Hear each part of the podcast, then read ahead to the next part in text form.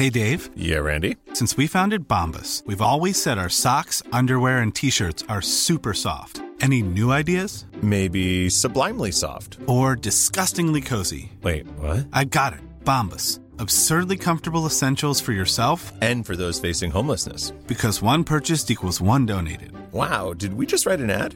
Yes. Bombas. Big comfort for everyone. Go to bombas.com slash ACAST and use code ACAST for 20% off your first purchase.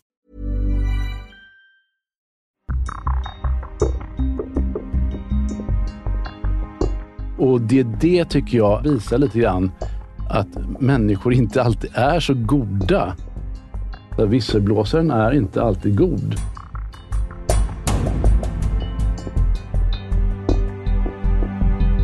Hej och välkomna till ett nytt avsnitt av Visselpodden med mig, Mikaela Åkerman.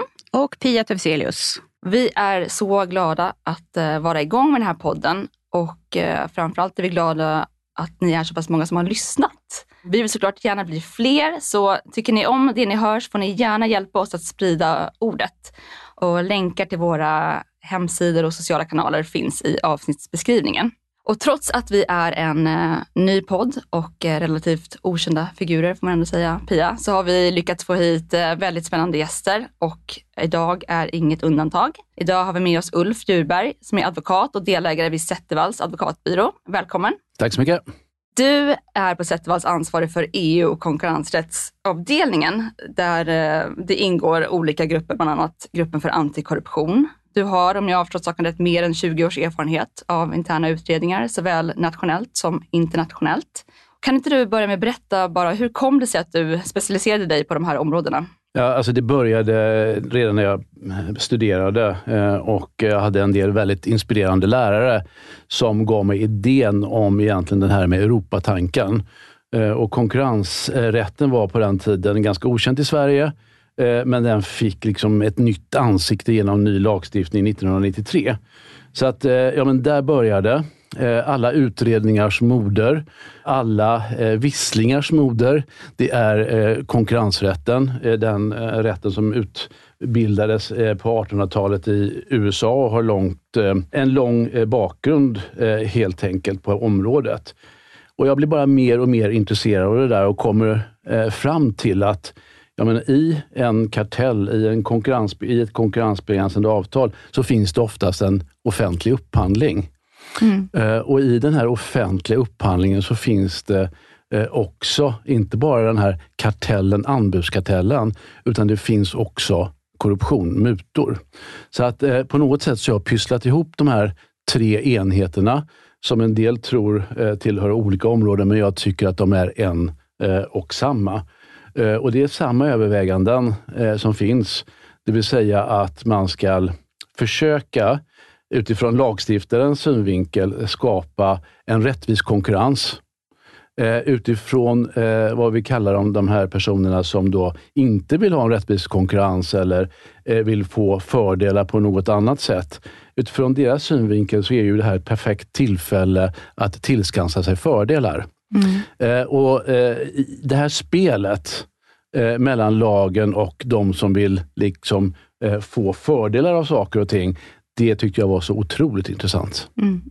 Och visselblåsning är ju också ett område som du har haft att göra en del med. Vad är dina erfarenheter av de typerna av fall? Nej men alltså visselblåsning, eh, det har ju blivit en, en naturlig eh, grej under senare tid. Eh, det här var också någonting som jag kom i kontakt med när ma transaktionerna alltså företagsförvärven, fick en, ett nytt utseende eh, runt eh, 95, 97, 98 någonstans där, där man Eh, gjorde så kallade controlled auctions eh, och eh, då blev ju de köparna av företag mycket, mycket mer intresserade av vad det var man köpte för någonting. Och då började man undersöka konkurrensrätten och, och då skatterätten. Och så kom man fram till att ja, men vi kan ju inte styra det här på ett bra sätt. Vi måste inrätta funktioner. Så man skapade compliance-program. Eh, man skapade eh, också eh, visselblåsningssystem. Och Det var så kallade hotlines. Det var ju inte via nätet på den tiden, utan det var hotlines som gick in. I USA var det sådana här 0800-nummer dit man kunde ringa in. Och Då var det på konkurrensrättens område och på skatterättens område. Och just på skatterättens område, där skapar man ju incentives för visselblåsare. De fick helt enkelt betalt av mm -hmm. eh, staten i USA eh, för att visselblåsa. Så man kunde bli riktigt rik eh, faktiskt om man visselblåste bra. Och det kanske är bara i USA sånt eh, fungerar. Eh, men det var där jag kom i kontakt med det. Eh, allting vidareutvecklades eh, och eh, sen så kom vi in, som jag nämnde tidigare, på korruptionsfrågor och mänskliga rättigheter som har blivit allt viktigare för företagen, särskilt de som jobbar på en internationell nivå. Att helt enkelt vara compliant. Eh, det är häftigt idag att vara det. Eh, och för att kunna bli det så har man eh, då inrättat visselblåsningssystem. Och sen 2012 ungefär så jobbar vi med mer elektroniska system och visselblåsningar där man, kan, ja, där man slipper att ringa in helt enkelt, vilket har varit effektivt. Mm. Skulle du säga att det har lett till fler larm eller en annan typ av larm eller vad har ni för erfarenhet? Nej, men alltså eh, det är inte så många larm. Eh, det finns inte så, så där jättemycket att visselblåsa som alltid. Eh, för att, eh, men ja, det är klart att det har lett till fler larm. Eh, det har det gjort. Det är lättare idag att bara liksom skriva ner någonting och trycka på knappen och skicka in det när man ser någonting som är misstänkt. Vad kan ett exempel eh, på ett visselblåsarfall som ni tar emot vara? Vad handlar det om? Ja, jag ska ju säga det då först, eh, att, eh, att vi tar emot en vissling, det beror ju på att vi har blivit utsedda av ett visst bolag att som oberoende agent, som det ibland kallas, ta emot visslingar som en tredje part. Och ett typiskt visselblåsningsfall skulle jag vilja påstå efter utsortering, för det är tyvärr också en del ganska så oallvarliga saker som kommer in. Men om vi nu säger att det är en allvarlig sak, så är det eh, mutor som har getts eller tagits emot, eh, som har varit de vanligaste. Och då mutor i samband med eh, offentliga upphandlingar. Det är det vanligaste. Så det har vi tagit emot och det hanterar vi och sorterar vidare i enlighet med de instruktioner vi har. Hur många av de fallen som du har jobbat med har lett till en polisanmälan till exempel? Du säger sen, sen går det vidare. Och vad, vad händer liksom därifrån när ni har gjort utredningen? Alltså det är ju helt och hållet eh, eh beroende på vad vi kommer fram till. Eh, det är eh, inte ovanligt att man eh, vidtar arbetsrättsliga åtgärder helt enkelt. Eh, att det går vidare till polisanmälan tillhör nog ovanligheterna faktiskt ja, jag tycker att det är lite intressant att se hur de där, vad som händer eh, i de där utredningarna. Men vi kan prata om det mer senare tror jag, för att mm. eh, det är rätt intrikat och eh, intressant och det vet jag att du har erfarenhet också av sådana här utredningar. Mm. Jag eh, skulle kanske också i sammanhanget vilja prata om min myggspiralsmetod, som du kanske undrar vad det är. Ja, berätta. Ja, det tar vi sen tycker jag. Okej, okay. cliffhanger. Okej. Okay. Ja. Men Ulf, du har ju eh, följt eh, det här nya EU-direktivet som röstades igenom 2019 och som nu har lett till eh, ny lagstiftning i Sverige. Vad är dina reflektioner kring eh, den här processen och den nya lagen som snart träder i kraft i Sverige? Ja, jag ska, eh, alltså, när det gäller den nya lagen eh, så så finns det så säga, säkert mycket att säga. Jag tycker att den är kanonbra helt enkelt. Eh, sen har den vissa administrativa problem i sig och det är ett sådant särskilt problem så att jag, jag tror att faktiskt att vi ska eh, liksom, ja, helt enkelt prata om det specifikt. Men jag skulle faktiskt redan nu bara vilja säga en sak om det är okej. Okay, mm. Alltså. Mm. För att eh, när man tittar på eh, det här som du sa med intressanta fall. Eh, ja, men alltså, jag tycker det är så häftigt eh, när en enskild person liksom tar mod till sig eh, och påtalar ett eh, allvarligt eh, missförhållande.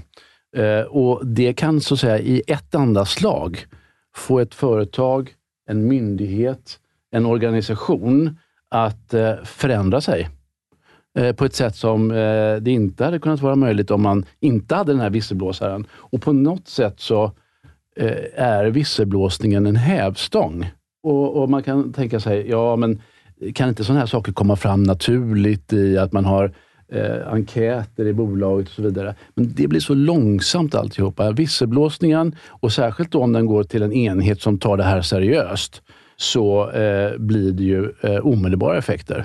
Och jag skulle vilja säga nästan att alltså, om man då har en... Alltså om någonting skrivs i en tidning, alltså vi säger att visselblåsningen kommer i en tidningsartikel eller liknande, då går ju företagen så enormt i försvarsposition. och man, man befinner sig ute på ett krigsfält där alla bombar dig mer eller mindre.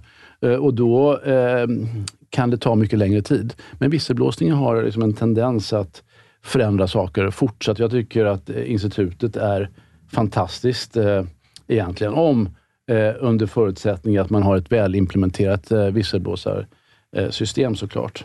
Och eh, ett välimplementerat eh, visselblåsningssystem, det är ju ett hot mot eh, korruption. Eh, det är en fördel för bolaget som vill vara compliant. Eh, och eh, den här nya lagstiftningen skapar också ett skydd eh, för den enskilde visselblåsaren på ett sätt som det är klart att det har funnits skydd tidigare också, men på ett så här eh, bra sätt eh, som den här ger, det har inte funnits. Eh, och när jag säger det så tycker jag att det är också viktigt att säga att det finns en annan sida av det där myntet. Nu sa jag att de här sakerna, det är häftigt när en enskild person eh, anmäler någonting, så är det lika ohäftigt eh, faktiskt när folk utnyttjar ett visselblåsarsystem till sin egen fördel. Eh, och här kan jag faktiskt bara gå tillbaka och titta på vad som har skett under pandemin. Uppenbarligen har folk haft lite för mycket tid på sig hemma och sitter och diktar ihop saker för att eh, kanske skapa sig en bättre position i organisationen eller företaget. Så att bland de här 30, Eh, vi har aldrig gjort så många utredningar som vi har gjort under de senaste två åren. Eh, av de här 30 utredningarna så är det 12 stycken som är fejkade. Och det, det tycker jag visar lite grann att människor inte alltid är så goda. Visselblåsaren är inte alltid god. Jag har faktiskt varit förfärad, för i vissa fall har det tagit upp till en vecka eh, av utredning innan vi har förstått att det här inte är korrekt. Det här är ingen riktig visselblåsning, utan det är bara någon som försöker ja, på eh, ren svenska jävlas helt enkelt. Så du menar det finns en grupp människor som faktiskt förstör för de här enskilda personerna som har viktiga saker att slå larm? Ja, det skulle man kunna säga. Att, eh, att folk som som slår eh, larm utan att det finns någonting, det skapar ju oreda och ett misstroende mot eh, visselblåsningssystemen. Och då kan väl jag tänka också att eh, vad bra det är då att ha den här ehm, eh, externa partnern, så att säga, som tar hand om det här, så att det inte blåses upp i media direkt, om det nu visar sig att det faktiskt inte stämde. För det är ju orättvist mot den arbetsgivaren, likväl som det är viktigt att vi har visselblåsare, som, som du säger Mikaela, som faktiskt visselblåser på riktiga felaktigheter, så är det ju eh, viktigt att det här inte kommer ut i media om det faktiskt inte stämmer, för då skadar det ju varumärket på, ja. på det här bolaget och förstör även för de eh, så att säga, ärliga, riktiga visslarna. Och där kan man ju säga att journalister har en viss skyldighet att göra en typ av utredning, men kanske inte alls kan gå lika långt som man kan då om man har fått insyn genom företaget eller liknande. Men eh, det finns ju ett sådant ansvar även där från mediernas sida att inte publicera vad som helst utan att ha kunnat verifiera uppgifter. Så, så det kan man väl säga gäller, generellt för utredningar, att det är viktigt att de görs ordentligt eh, mm. för att skadan kan bli eh, stor. Men om vi går tillbaka till den svenska lagstiftningen. Den svenska lagstiftningen som vi nu kommer få säger du i grunden är bra. Har du några invändningar Nej, alltså eh, e-, egentligen inga invändningar. Det är väl mera av administrativ karaktär, skulle jag säga. Att, eh, och, då tänker jag framförallt på den här eh, som vi har kallat lite populärt koncernfrågan eh, och som eh, borde ha poppat upp långt, långt tidigare, tycker man. Eh, som jag sa där så började man inrätta stora visselblåsningssystem med eller digitala visselblåsningssystem runt eh, 2011-2012 i många företag. Eh, och Sen så har det vidareutvecklats och fler och fler företag har eh, skaffat sig det där. Och Då har de varit byggda på det viset att man har en kanal som går till en antingen då till en central funktion i bolaget eller en särskilt inrättad funktion. Eh, och så har man då eh, vidtagit utredningsåtgärder eller, eller vad man nu har, har gjort för någonting. Men med den nya eh, lagen här nu då, så säger eh, den svenska lagstiftaren att varje enhet som har mer än 50 anställda ska ha ett eget eh, system. Och det eh, skapar ju en jättemängd med visselblåsningssystem. Eh, och där har man ju under lång tid inrättat sig på ett visst sätt. Och det här gick ju långt. Eh, och eh, alltså, I början av juni så var det ett antal chefsjurister på de lite större företagen där man hade och har sådana här system som helt enkelt i ett öppet brev till ministern skrev och sa att det här kan inte vara vettigt att vi ska ha flera visselblåsningssystem inne i vår koncern. Det ska finnas ett enda. Eh, men det där svarade ministern på och eh, eh, sa att nej, men så är det. Det har vi fått svar från kommissionen. Eh, svaret från kommissionen kan tolkas på, på ett antal olika sätt, skulle jag vilja påstå. Eh, och Sverige verkar, eh, och nu har jag inte den senaste rönen från våra grannländer, men den svenska synen verkar vara ja, lite, lite egen helt enkelt. Och man in, har insett att eh, det kanske inte är så bra att ha många system. Eh, det blir ingen överblick och det kanske blir sämre för den enskilde och rättsosäkert. Så att ehm, eh, vi får se. Det är några dagar kvar och sen så är det ju en tillämpning och sen är det ju upp till domstolarna att eh, faktiskt besluta vad som är rätt. Men eh, så ser det ut idag. Eh, ett system för varje 50 anställda. Eh, så är det. Eh, och det tycker jag är lite jobbigt. Alltså det är en administrativ börda på företagen som jag inte tror är till fördel. Jag vet att du har varit inne lite på eh, att GDPR eventuellt kan påverka möjligheten att utnyttja den här lagen. Vad är det du tänker då? Nej, alltså jag vill inte helst gå in på GDPR, för det är ett så komplicerat område. Men eh, vad jag eh, egentligen tänker på där, det är ju i, eh, dels så att säga när du, nu innan den här nya lagen har trätt i kraft, så gör, och eftersom vi redan har en GDPR-lagstiftning, så är det ju den som tillämpas. Eh, och innan visselblåsningslagen har trätt i kraft så kommer det bli en del övergångssvårigheter på grund av GDPR. Men eh, det som, där jag har stött på mest problem, det är faktiskt i själva utredningsskedet eh, med GDPR-frågan. Vilken typ av information får man behandla? personuppgifter, de personer man utreder och så vidare. Så att, ja, den, den frågan är så komplex att jag eh, har inte möjlighet att ta Nej, den. Nej, då lämnar vi den därhän. Ja. Men om man ska titta på en EU-nivå då. Mm. Um, tror du att det här EU-direktivet och de, um, de nya lagarna i medlemsländerna kommer att uh, leda till att skyddet för visselblåsare ökar i EU? Ja, det tror jag faktiskt. Uh, det kommer att bli bättre. Det kommer bli mer EU-konformt.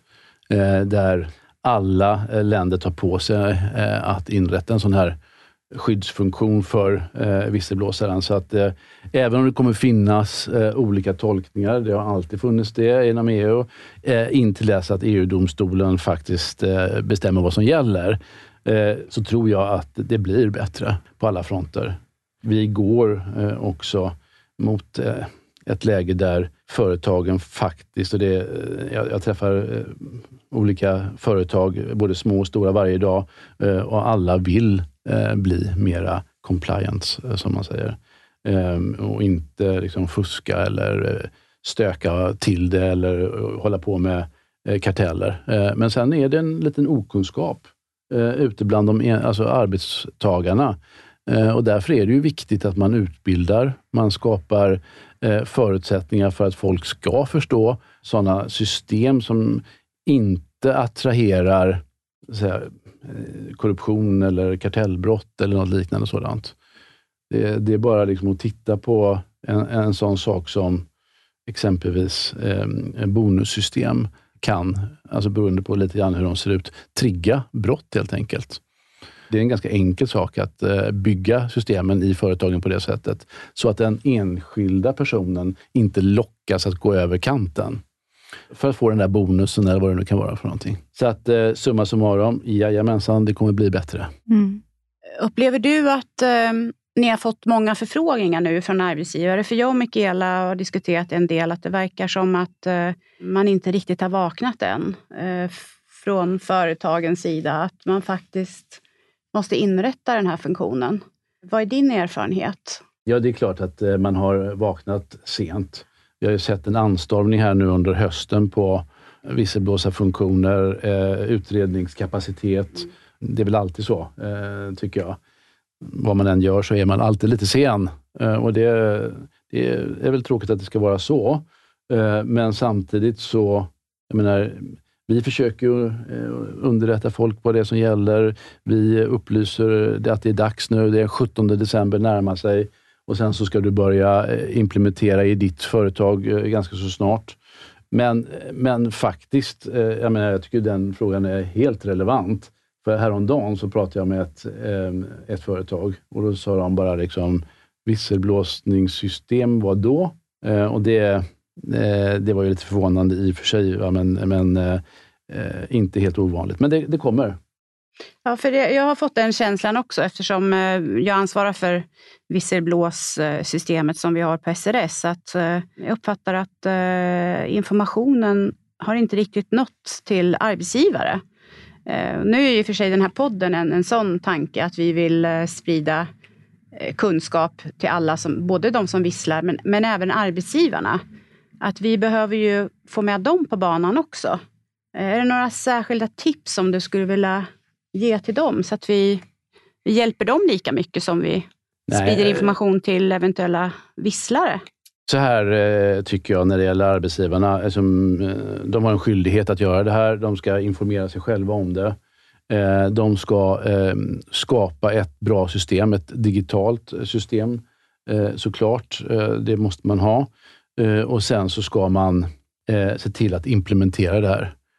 Jag menar, alltså, det går inte bara... Eh, jag var med i en organisation, man hade skaffat sig ett jättefint visselblåsningssystem. Eh, allting var på plats, eh, men det kom inget det kom inga visslingar alls i det där systemet. Men det var ju bara för att ingen visste om att det fanns. Jag bara en sån sak. Jag menar att du sätter dit och prickar av. Utan efter det att du har skaffat dig systemet och alla fina policies och vad det nu är för någonting, då ska ju folk veta om att de finns. Och sen så ska de känna en trygghet eh, i det.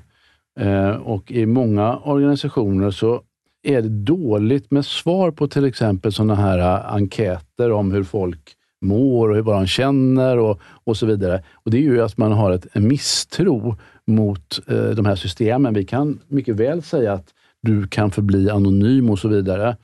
Men de tror ju att det alltid sitter någon eh, centralt Eh, Eh, och eh, övervakar och ser vem, vad man gör för någonting. Så att om man kan få bort den här misstron mot eh, systemen så har man vunnit mycket och då kan man få igång själva visselblåsningarna. Sen kommer det inte så många visselblåsningar ändå, men, men det, är, det är viktigt. Så att jag bara säger det, information, utbildning och sen uppföljning. Testkörning av systemet. Eh, är viktigt. Så att, eh, det är mina eh, tips. Det är väldigt enkelt att säga det. Eh, svårare att göra i verkligheten, det vet vi. Med organisationer som finns i många olika länder, olika kulturer, eh, olika sätt att se på det. Rädsla för repressalier vet man ju är en sån anledning till att en del avstår från att slå larm. Vad skulle du säga om man ser till lagstiftningen? Hur skyddad är man av den egentligen? Ett syfte med den nya lagen är just att stärka skyddet för arbetstagare när det kommer till repressalier. Samtidigt den här lagstiftningen som vi har idag har inte eh, liksom använts eller den har inte prövats i rätten. Vad kan du säga generellt om skyddet mot repressalier? Jag tror fullt och fast att det finns ett, eh, skyddet är bra. Eh, det kommer inte liksom, bli repressalier. Men, och där ska man ju tänka på, alltså, som visselblåsare också, vi, eh, vi, var inne på det här lite grann, att eh, eh, det finns sådana som gör fejkade eh, anmälningar och de är ju inte skyddade. Alltså fejkar du någonting, då är du inte skyddad.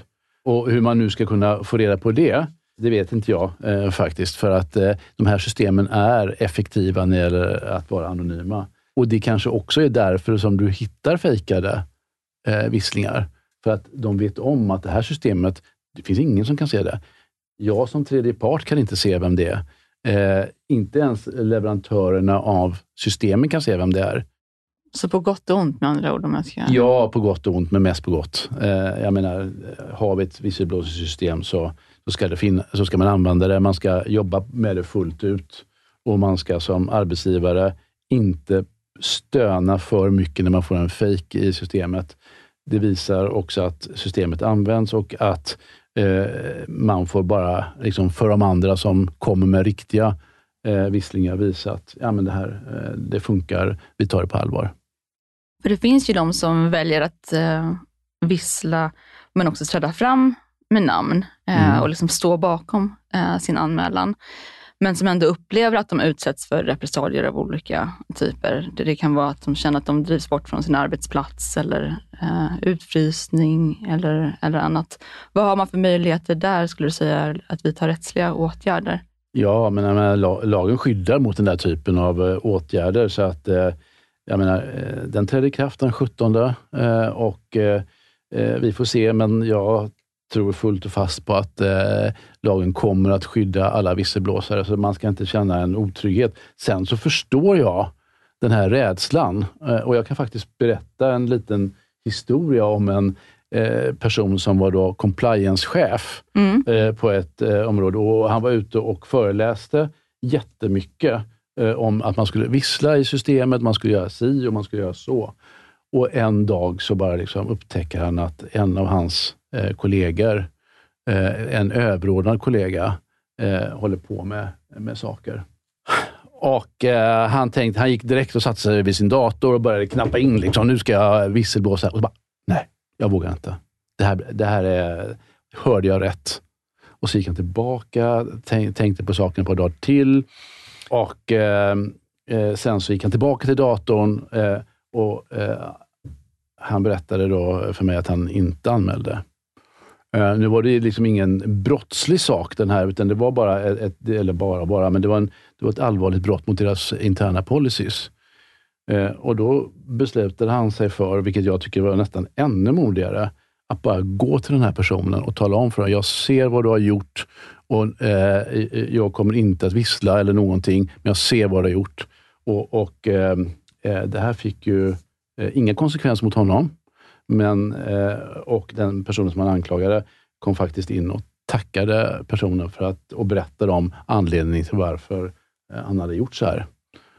Och var väldigt ångerfull och tacksam mot den här personen. Så att, nej, men det visar, tycker jag, bara, liksom, jag är rädd för att visselblåsa, jag är rädd för repressalier. Den här personen var så modig. Och det här var ju några år sedan, när inte den här typen av skydd fanns. Och idag tror jag inte eh, han hade eh, avvaktat eh, och, och vissla i det här systemet. Så att, eh, jag tycker att det visar bra, även om du är säker på din sak och du talar om för andra, så är det inte lätt att göra det. Och Det var ju också därför, eh, som jag sa inledningsvis, här, att jag tycker det är så häftigt när enskilda personer, medveten om att det kan kanske leda fram till någonting mot dig, vidtar en åtgärd och visslar. Och det kommer fram. Jag tycker att det är eh, Eh, en av anledningarna till att jag håller på med det här. Du var inne på det tidigare, tycker jag, det här med att eh, det kan få en, en bra effekt av att först och främst vända sig internt för att många får liksom taggarna utåt när det börjar spridas i media, där det, liksom, det blåses upp och man eh, helst gärna då bara slår ifrån sig kritiken. Men om man ser till de fallen där visselblåsare upplever att de har försökt slå larm internt upprepade gånger och till slut liksom inte ser någon annan eh, utväg. Hur kommer det sig?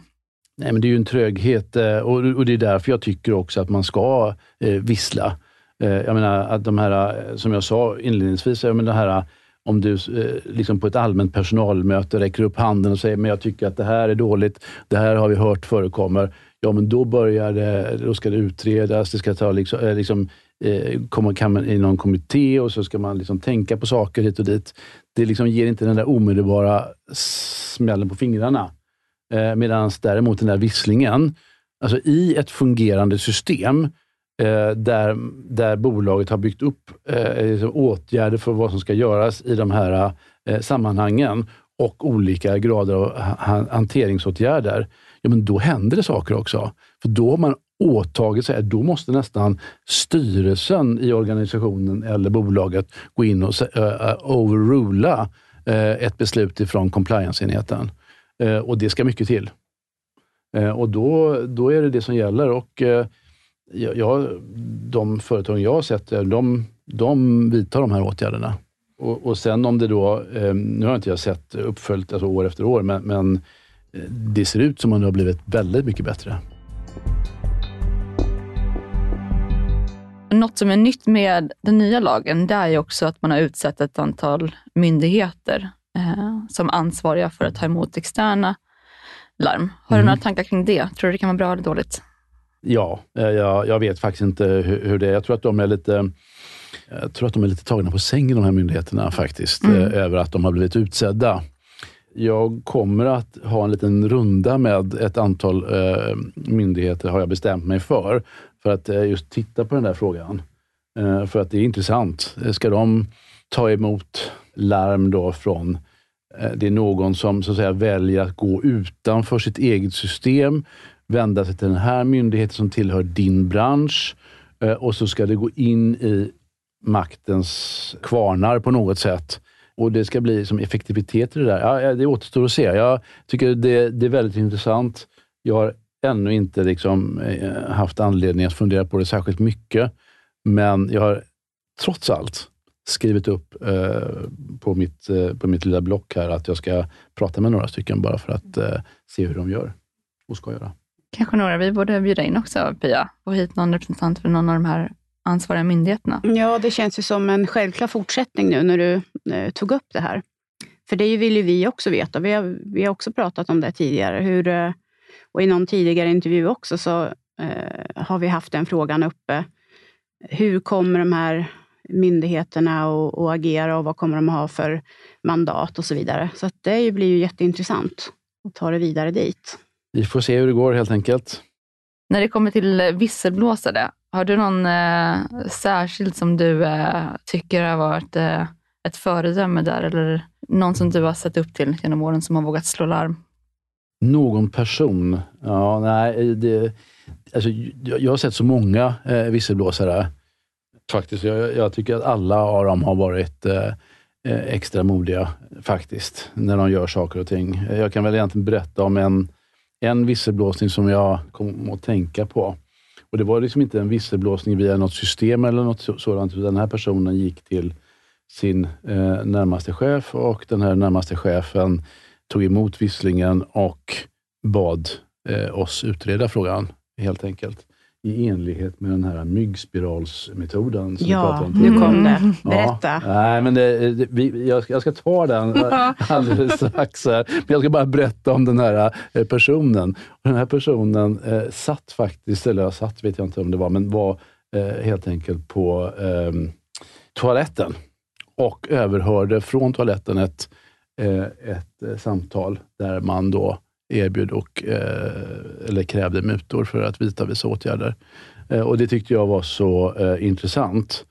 Eh, faktiskt att man, alltså det finns ju visslingar på olika sätt, men det där var en, en, en vissling som jag tyckte var spännande och som då naturligtvis togs på absolut största allvar. Och, eh, det ska man väl också säga att jag menar, eh, visslare har ju inte bara liksom råkat illa ut, utan visslare har ju också hyllats och också då fått kanske ja, en, en karriärkick. Så att, eh, det tycker jag. Men eh, låt oss prata lite grann om den här myggspiralsmetoden. För att nu har vi då har fått en vissling eh, in i ett system och det har då beslutats om en utredning. Och alltså, Vet ni vad jag pratar om? Alltså den här myggspiralen som man tänder eld på, mm, så, så brinner mm. den inåt sakta men säkert. Mm, som ser ut som en girlang ja, som brinner neråt. Ja, ja. Brinner så Och Det är lite grann så jag bedriver utredningar. Att jag liksom börjar längst utifrån Eh, och då är det ju oftast med en informationsinhämtning eh, på något sätt. Och eh, liksom, papper är väldigt bra, eller om man nu finns på elektroniskt. E-post är ju det vanligaste som man tittar på. Och Det är ju spännande att se när folk skickar sina e-postmeddelanden. Vet ni när de skickar dem? Nej fredag eftermiddag, eh, klockan fem efter eh, det att after worken har eh, varit igång en liten stund.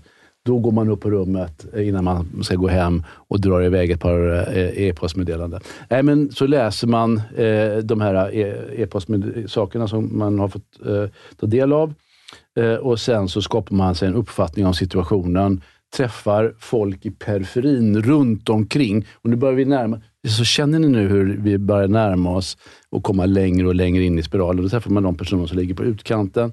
Sen så träffar man personer som börjar närma sig det här centrumet. Eh, och bara för att liksom jobba sig långsamt, långsamt in mot mitten och till slut så, bara, så har man det. Eh, det är kortfattat eh, myggspiralsmetoden. Jag, mm. jag lärde mig den av en en amerikansk gammal åklagare i New York. Han sa, kallade inte den för myggspiralsmetoden, det, var, det var jag som gjorde det, men det var han som lärde mig den här utredningsmetoden, vilket har varit supereffektivt. Är det något du känner igen från polisen, Pia? Ja, eh, precis som du säger så börjar man ju liksom från noll med att samla in eh, så mycket information man bara kan. Och den, eh, initialt så kan det ju upplevas som lite rörigt för att man har så mycket olika slags information.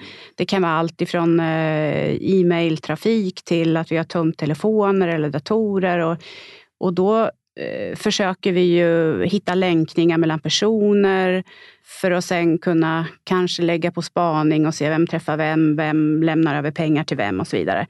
Så att, eh, det är precis som du säger. Så, så jobbar man ju, tror jag, med all typ av utredning. Man börjar med ett väldigt stort informationsmaterial som sen eh, sjunker ner till eh, kärnan.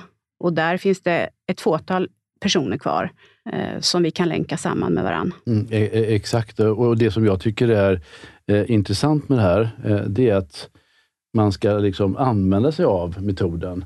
För gör man inte det, alltså det är ju många som vill att man ska gå direkt till kärnans mitt utan att passera. Alltså, vi vet ju att det är Kalle. Nej, det är, alltså, det är oftast inte Kalle. Det är oftast inte Nej, Kalle. och sen måste vi ju... Och det visar ju sådana här utredningar, eh, att om, om, man är noggrann med dem inledningsvis och jobbar sig inåt, så, eh, så träffar man på lite andra saker också. Och, och går man direkt på personen, eh, då... Vi måste ju ha en beviskedja hela vägen också. Mm. Och den måste ju byggas utifrån, mm. om vi nu tänker oss den här spiralen.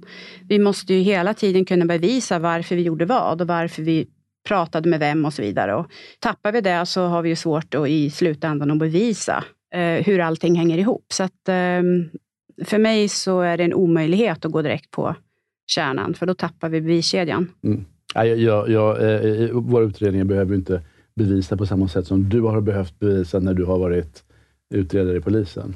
Nej, men jag tycker ändå, för vi, på SRS använder vi ju samma, samma modell mm. när vi utreder. Och det är ju just därför att eh, vi kan ju hamna i ett läge när, när våran kund eh, vill lämna över det till polisen. Mm. Och då måste vi ha jobbat utifrån den metoden för att det ska kunna ske. Annars eh, har vi kanske till och med förstört bevis genom att prata med människor som sen kan undanröja saker och så vidare. Mm. Så att det här är jätteviktigt för oss. Ja, men då fick vi ihop det där med myggspiralsmetoden ja. ändå, eh, cliffhangern. Ja. Men om man då är visselblåsare, eh, vad, vad, kan du skicka med något tips? Vad ska man tänka på? Du nämnde liksom e-post, ska man samla på sig dokumentation innan man slår larm? Ja, det tycker jag är faktiskt, alltså, eh, om man är så noggrann att, man kan göra det, samla på sig dokumentation, eller att fotografera WhatsApp-meddelanden och sånt där, Eh, så, så kan man göra det. tycker jag är alldeles eh, utmärkt också och liksom säkra riktigheten i dem. Men det kanske inte är där som det är den viktigaste saken. För att eh, det som vi har märkt med visselblåsare är ju att de, alltså, lite grann så de vågar inte göra det eh, ändå, men så skriver de någonting ganska vitt och brett och så, som är, som är liksom svårförståeligt faktiskt. Och då ska man ju veta det att de som tar emot det här, antingen om de är i företagets utredningsfunktion eller om, om det är vi som tar emot det. Vi kan ju inte det lingot som försiggår där den här personen befinner sig. Det kan ju vara ett helt annat land med en helt annan kultur. Eh, så att tydlighet eh, från visselblåsarna är jätteviktigt. Och, och sen om det då är en som ringer in, eh, så är det ju bra om man kan på något sätt få kontakt med dem igen att våga lämna information om vem man är eh, till då den här oberoende utredaren, om det är då en advokatbyrå. Det är, väl, det är väl viktigt att, att beskriva den här situationen så bra som möjligt och varför, vilka som har varit inblandade. Eh, eller i vart fall vilka nivåer som har varit inblandade i det. Och för skriver man, skriver man ifrån en dator, ja men då har du skickat ett meddelande och då kan alltid den här personen, även, eller ja, vi då, ta, svara på det här meddelandet i de här systemen. Eh, och då är det inga problem med, med det där. Då ställer vi oftast uppföljande frågor. Kan du förklara det här lite närmare och sådär. Men det man ska tänka på, det är, eh, eller som vi har märkt i vart fall, det är att folk tenderar till att inte vilja fortsätta efter att de har blåst en gång. Det känns kymigt att eh, liksom börja bli mer detaljerad. Så att eh, om man har tagit mod till sig, se till att vara liksom, tydlig första gången.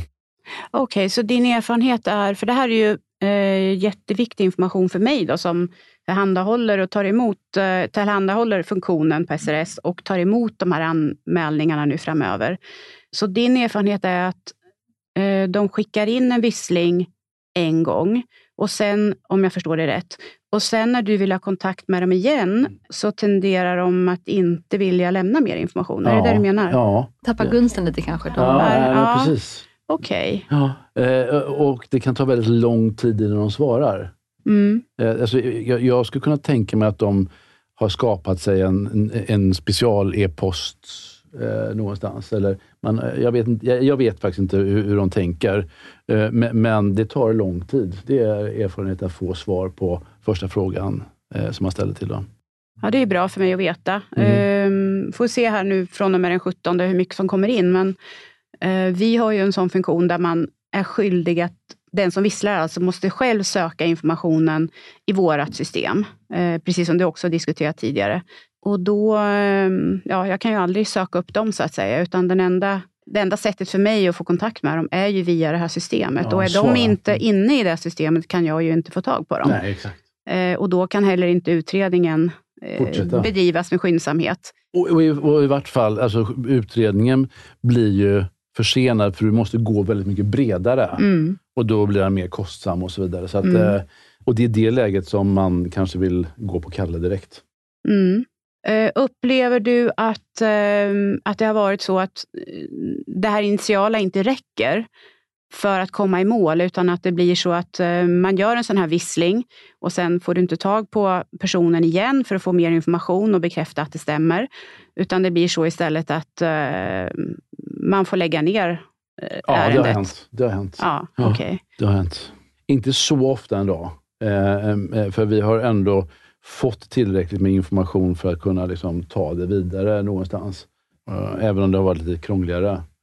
Uh, men i några fall har det faktiskt varit tvunget att uh, lägga ner. För då kanske man uppfattar det som en icke... Ja, det, det är ingen vissling helt enkelt. Nej, nej, man måste ju kunna styrka det utifrån ja. kriterierna i lagstiftningen. Mm. Så är det ju. Men det är ett ganska bra konkret tips då till potentiella visselblåsare att vara tydliga, specifika, tillgängliga om ni vill vara säkra på att det här ska kunna tas vidare. Och eh, som arbetsgivare kanske vara tydliga med att man måste vara tydlig och specifik och tillgänglig för att mm. man ska kunna driva det här i mål. Ska vi säga så? Ja. Ja, ja tack Ulf. Ja, ja tack tusen tack för din tid. Ja. Eh, och tack eh, återigen alla som eh, lyssnar. Eh, fortsätt gärna lyssna. Det finns fler avsnitt ute. Eh, ni kan nå oss på våra hemsidor och via våra sociala kanaler. Länkarna finns i avsnittsbeskrivningen. Vi kan också nämna de här. Det är www.dagsattvissla.com och viss.la på Instagram. LinkedIn och Twitter finns Vissla också på och eh, SRS Pia, vad hittar man er? SRS hittar ni på www.srsgroup.se. Och vi har även, eh, vi är med på LinkedIn, så där hittar ni oss också. Då säger vi så. Tack och hej, ha det bra.